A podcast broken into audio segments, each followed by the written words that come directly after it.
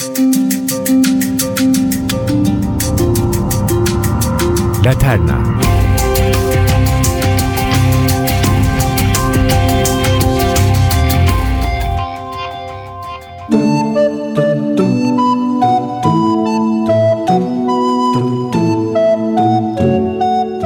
Değerli NTV Laterna dinleyicileri, her şey 1783 yıllarında bitti. Bir daha patlama, püskürme olmadı zannetmeyin.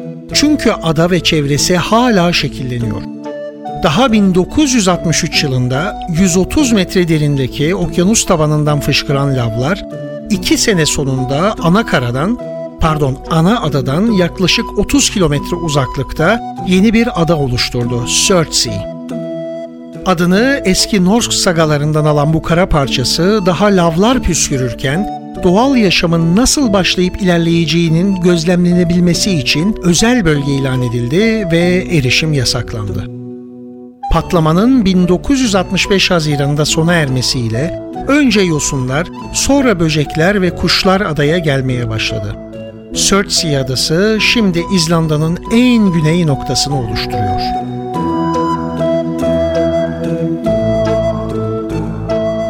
Artık püskürmelerden, krizlerden bıktık, ülkeyi ve bizi düzlüğe çıkar diye inleyen siz sevgili Laterna dinleyicileri. Ben Özge Ersu, NTV Radyo'da hayallerinizi bir taraftan kurup diğer taraftan yıkmaya devam edeyim o zaman. Şimdi İzlanda'nın bir diğer özelliğine değinmek istiyorum. Kuzey ülkeleri bilirsiniz Noel Baba'nın evine sahip olmakla övünür. Ama hiçbiri tam olarak bu etiketi taşıdığını öne süremez. Genelde de Kuzey Kutbu denir geçilir.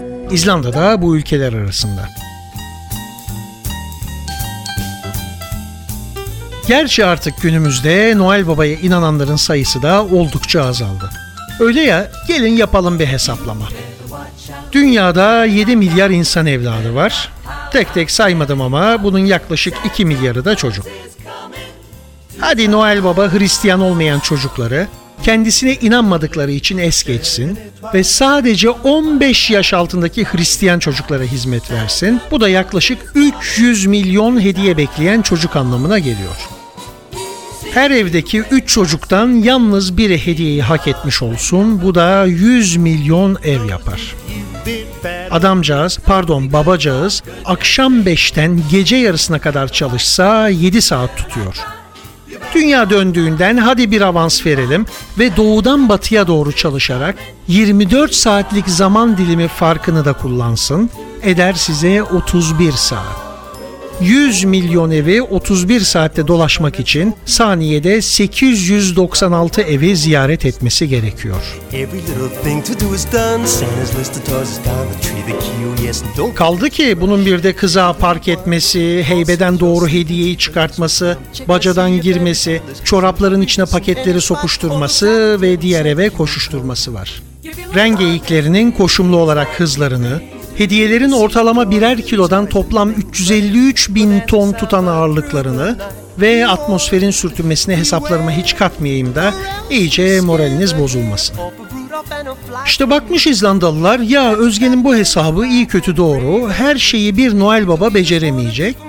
13 Noel Babalı kendi deyimleriyle Santa Claus'lu bir çözüm bulmuşlar. İnanmayacaksınız ama doğru. İzlanda folkunda ve inanışında tam 13 ayrı Santa Claus yani Noel Baba var. Her biri 12 Aralık akşamından itibaren ayrı ayrı dolaşmaya başlıyor çocukları. Yani her geceye ayrı hediyeler. En sonuncusu da 24 Aralık akşamı geliyor ve bu takım çalışması sona eriyor. Yani çocuklar 13 ayrı gecede hediye alıyorlar aralıksız olarak. Aslında hepsi biraz kötü huylu ve korkutucu, camdan bakan, eşik koklayan, tencere yalayan gibi isimlere sahip eski cinler. Ama 17. yüzyılın sonlarına doğru geleneksel giysilerini bırakıp millete de öcü gibi görünmekten vazgeçip kırmızı beyaz forma altında toplanmışlar. Bu inanışta böyle yer bulmuş folklorlerinde. Ülkenin en kuzeyindeki şehir Akureyri'deki gezilerimizde bir durağımızda karlarla kaplı dağların eteklerinde bir köy olan Hrafnagil'deki Santa Claus'un evi.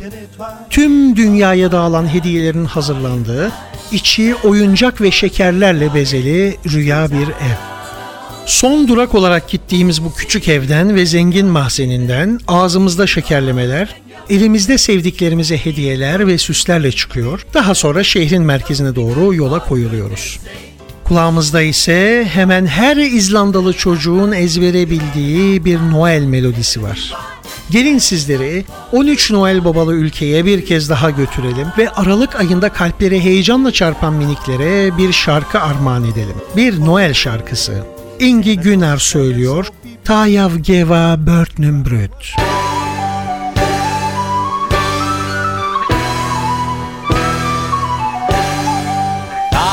Gefa börnum brauð að býta í. Á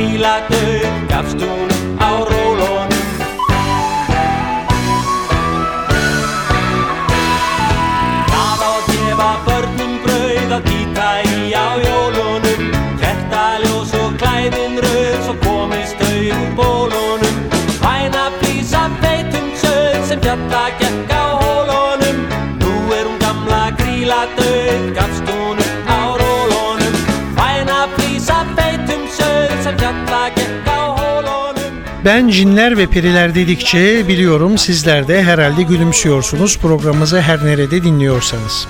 De get oradan biz pozitif bilimciyiz hele dediğinizi duyar gibi oluyorum. Bakmayın bu coğrafyaları gezerken bana da hevesli anlatılıyor hepsi. Hani fala inanma, falsız da kalma derler ya, buralarda da böylesine bir anlayış yerleşmiş. Devler, troller, elfler. Bu toprakların eski efsaneler olan sagaların değişmez unsurları. Bakın size neler anlatacağım. İzlandalıların %10'u Huldufolk adını verdikleri cüce yaratıkların, ruhların ve elflerin var olduğuna kesinlikle inanıyor. %10 ise hayatta olmaz öyle şey diyor. Geriye ne kaldı? %80. Yani her 10 İzlandalıdan 8'i inanmıyorum diyemiyor. Özellikle son yıllarda İzlandalılar yol yapım çalışmalarını hızlandırdıklarından bu süreçte bazı garip olaylar oluyor. Evlerinin kayaların altında olduğuna inanılan bu yaratıkların zarar görmemesi ve güvenlice başka bir kaya altına kaçışıp yerleşebilmeleri için bu projeleri ağırdan alıyorlar. Bazen plan üzerinde çok kolayca yok edebilecekleri kayalar olmasına rağmen yolu hafifçe kıvırıyorlar. Reykjavik yakınlarında dinamitle çok rahat patlatılıp dümdüz edilebilecek bir kaya varken yolu adeta çevresini saracak şekilde dolaştırmışlar. Birçok futbol sahasının, basketbol sahasının orta yerinde hiç dokunulmayan kayalar var. Çünkü bu yaratıklara kötülük yapıldığında öç aldıklarına inanılıyor. Kayaları yıkmak isteyen tüm buldozerlerin oralara çıktıklarında bozulması, bu durumu görüntülemek isteyen kameraların sadece o bölgede çalışmaması gibi bizim yatır hikayelerimizi andıran olaylar sıkça basında yer alıyor. Yerel yönetimler bile bu konuda çekinceli davranıyor ve halkın inanışlarına saygı gösteriyorlar. Bana da gerçekten varlar mı diye hiç sormayın. Gelin isterseniz beraber gidelim ve beraber bakalım. Ben de size tüm bu yaratıklar için bestelenmiş güzel bir eser çalayım. Ama bu eserin ritmi bile sihirli. Tempo tutmaya kalkışmayın çünkü ritim kaçırırsınız. 4 bölü 4, 3 bölü 4, 4 bölü 4 ve 2 bölü 4 giden bu eser devlerden, elflerden ve trollerden söz ediyor. Hatta özellikle kendilerinden korkanların karşısına çıktıklarını belirtiyor. İşte kulaklarımızda Herdis Halvars Dötir'in güzel şarkısı Tröllashvadur. Trúir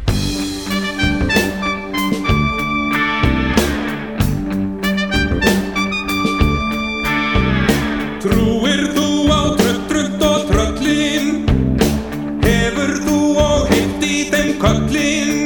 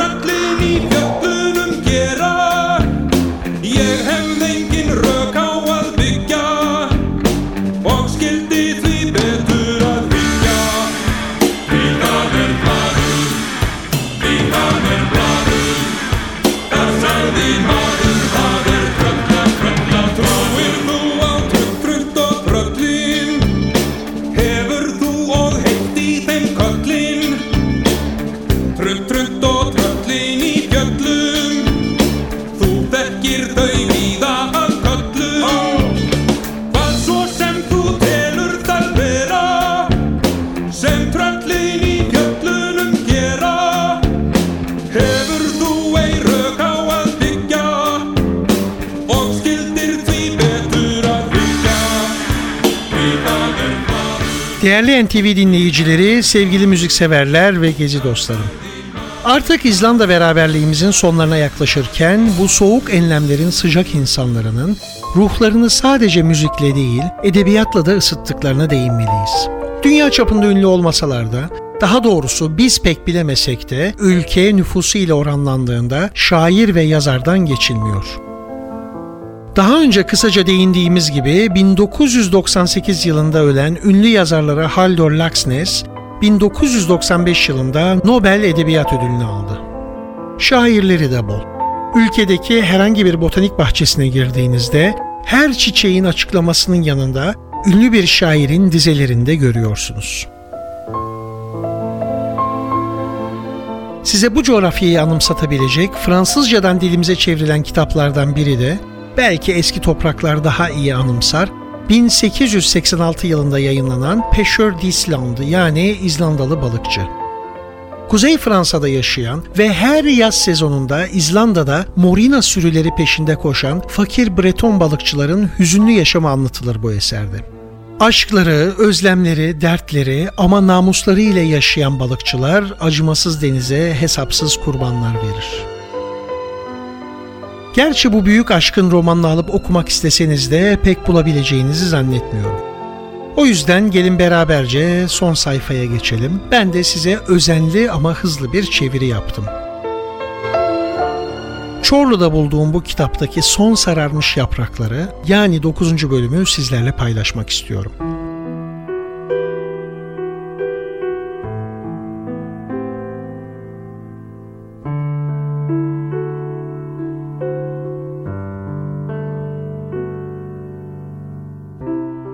Her gece soğuk bir sis karaya düştüğünde genç kadın küçük penceresinden denizi ve bacalardan çıkıp ortaya savrulan beyaz dumanları seyre dalardı.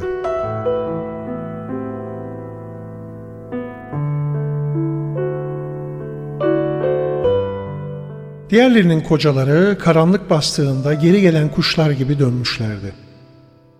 Bu Kuzey Denizi balıkçıları için sert rüzgarlı gecelerin sona erdiği bahar aşkları başlamıştı işte yine.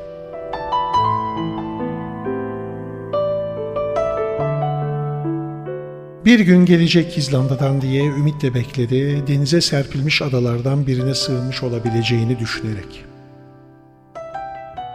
Oysa o bir daha geri dönmedi. Bir Ağustos gecesi İzlanda açıklarında gürültülü dalgalar arasında denizle evlendi. Onu yetiştiren, çocukluğunda şefkat gösteren, en kuvvetli çağında geri alan deniz, gizemli bir birliktelikle sarı verdi vücudunu. Kulakları sağır eden çığlıkları, cenaze törenindeki perdeleri andıran kara dalgalar tarafından örtülü verdi. Balıkçı tek ve sevgili karısını düşünürken dalgalarla ölümüne savaştı. Ta teslim olana dek. Ölümcül bir aykırış, adeta ölen bir boğanın çığlığı gibi. Ağzına dolan sularla sonsuza dek açık kalacak kollarıyla.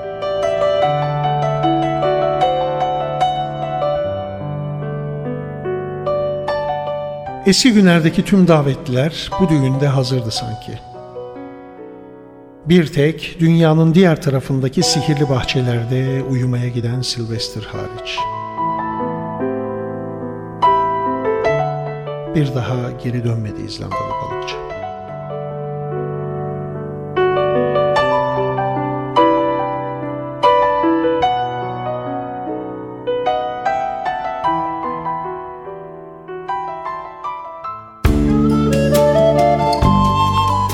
Bu romanı kim yazdı biliyor musunuz sevgili dostlar? Uzun yıllar ülkemizde de kalan Pierre Loti. Aslında Fransız gerçekçiliğinin öncülerinden Emile Zola'dan etkilenen empresyonizm yani izlenimcilik akımının Fransız edebiyatında başını çeken ünlü yazar, eğer bulur da okursanız romanı, sizi Kuzey Fransa'dan alır, İzlanda'nın soğuk denizlerine kadar çıkartır, üstüne bir de aşk büyüsü harmanlar. Evet, biz de programımızı unutulmaz bir aşk şarkısı ile sonlandıralım arzu ederseniz. Ben Özge Ersu, teknik yönetmenim Selami Bilgiç, yayın danışmanım Ahmet Yeşiltepe ile hepinize bu soğuk coğrafyadan sevgilerimizi iletiyoruz. Sabrınıza ve kulaklarınıza teşekkür ediyorum. Her zaman söylediğim gibi program hakkındaki düşüncelerinizi bizlerle paylaşmak isterseniz laterna.ntv.com.tr adresine iki satır yazarsanız bizim için de büyük mutluluk olur. Gelin şimdi ruhumuzu ve kalbimizi de bir sonraki programımıza hazırlayalım. Açıyorum naftalin kokulu arşivimi, şöyle bir gözlerim kapalı karıştırıyorum ve çekiyorum bir gönül teli titreten şarkı. Neymiş bakalım? Hmm, iki haftadır bize bu gizemli İzlanda coğrafyasını gezdiren, sağ gösterip sol vuran programımız Laterna'da, gelin Yan ile Goğd'un denizlerde kaybolan aşkını, geçmişimizde bırakıp kaybettiğimiz kendi aşklarımızla harmanlayalım. Madem bu hüzünlü aşk hikayesi Fransa'da başladı, bırakalım orada bitsin. Kim bilir belki İzlanda'nın soğuk suları ulaşı verir bekleyenlerin sığ ve huzurlu limanlarına. Söz vermiştiniz ağlamak yok. Çünkü bizleri Adamo Salvatore uğurluyor kaybolan aşklarıyla. Amour perdu. Amour perdu, amour perdu nous reviendra comme le printemps. Amour perdu, amour perdu nous reviendra plus fort qu'avant. Lance ce défi au vieux proverbe qui dit qu'amour perdu ne revient plus. On pourra dire en conservant le verbe Amour perdu nous reviendra grandi. J'espère de tout cœur que les poètes ne m'excluront pas de leur partie. Mais bientôt nos cœurs seront en fête quand notre amour nous reviendra grandi.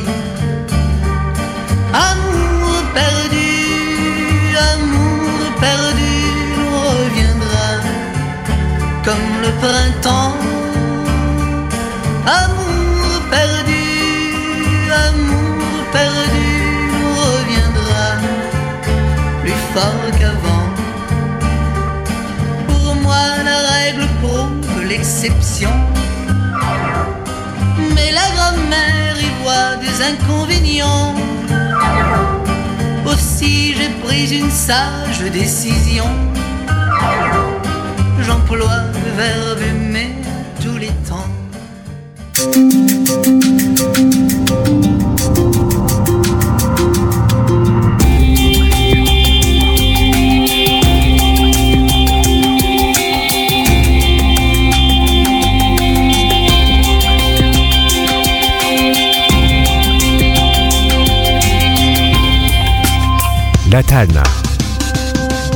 Hazırlayan ve sunan Özge Ertuğ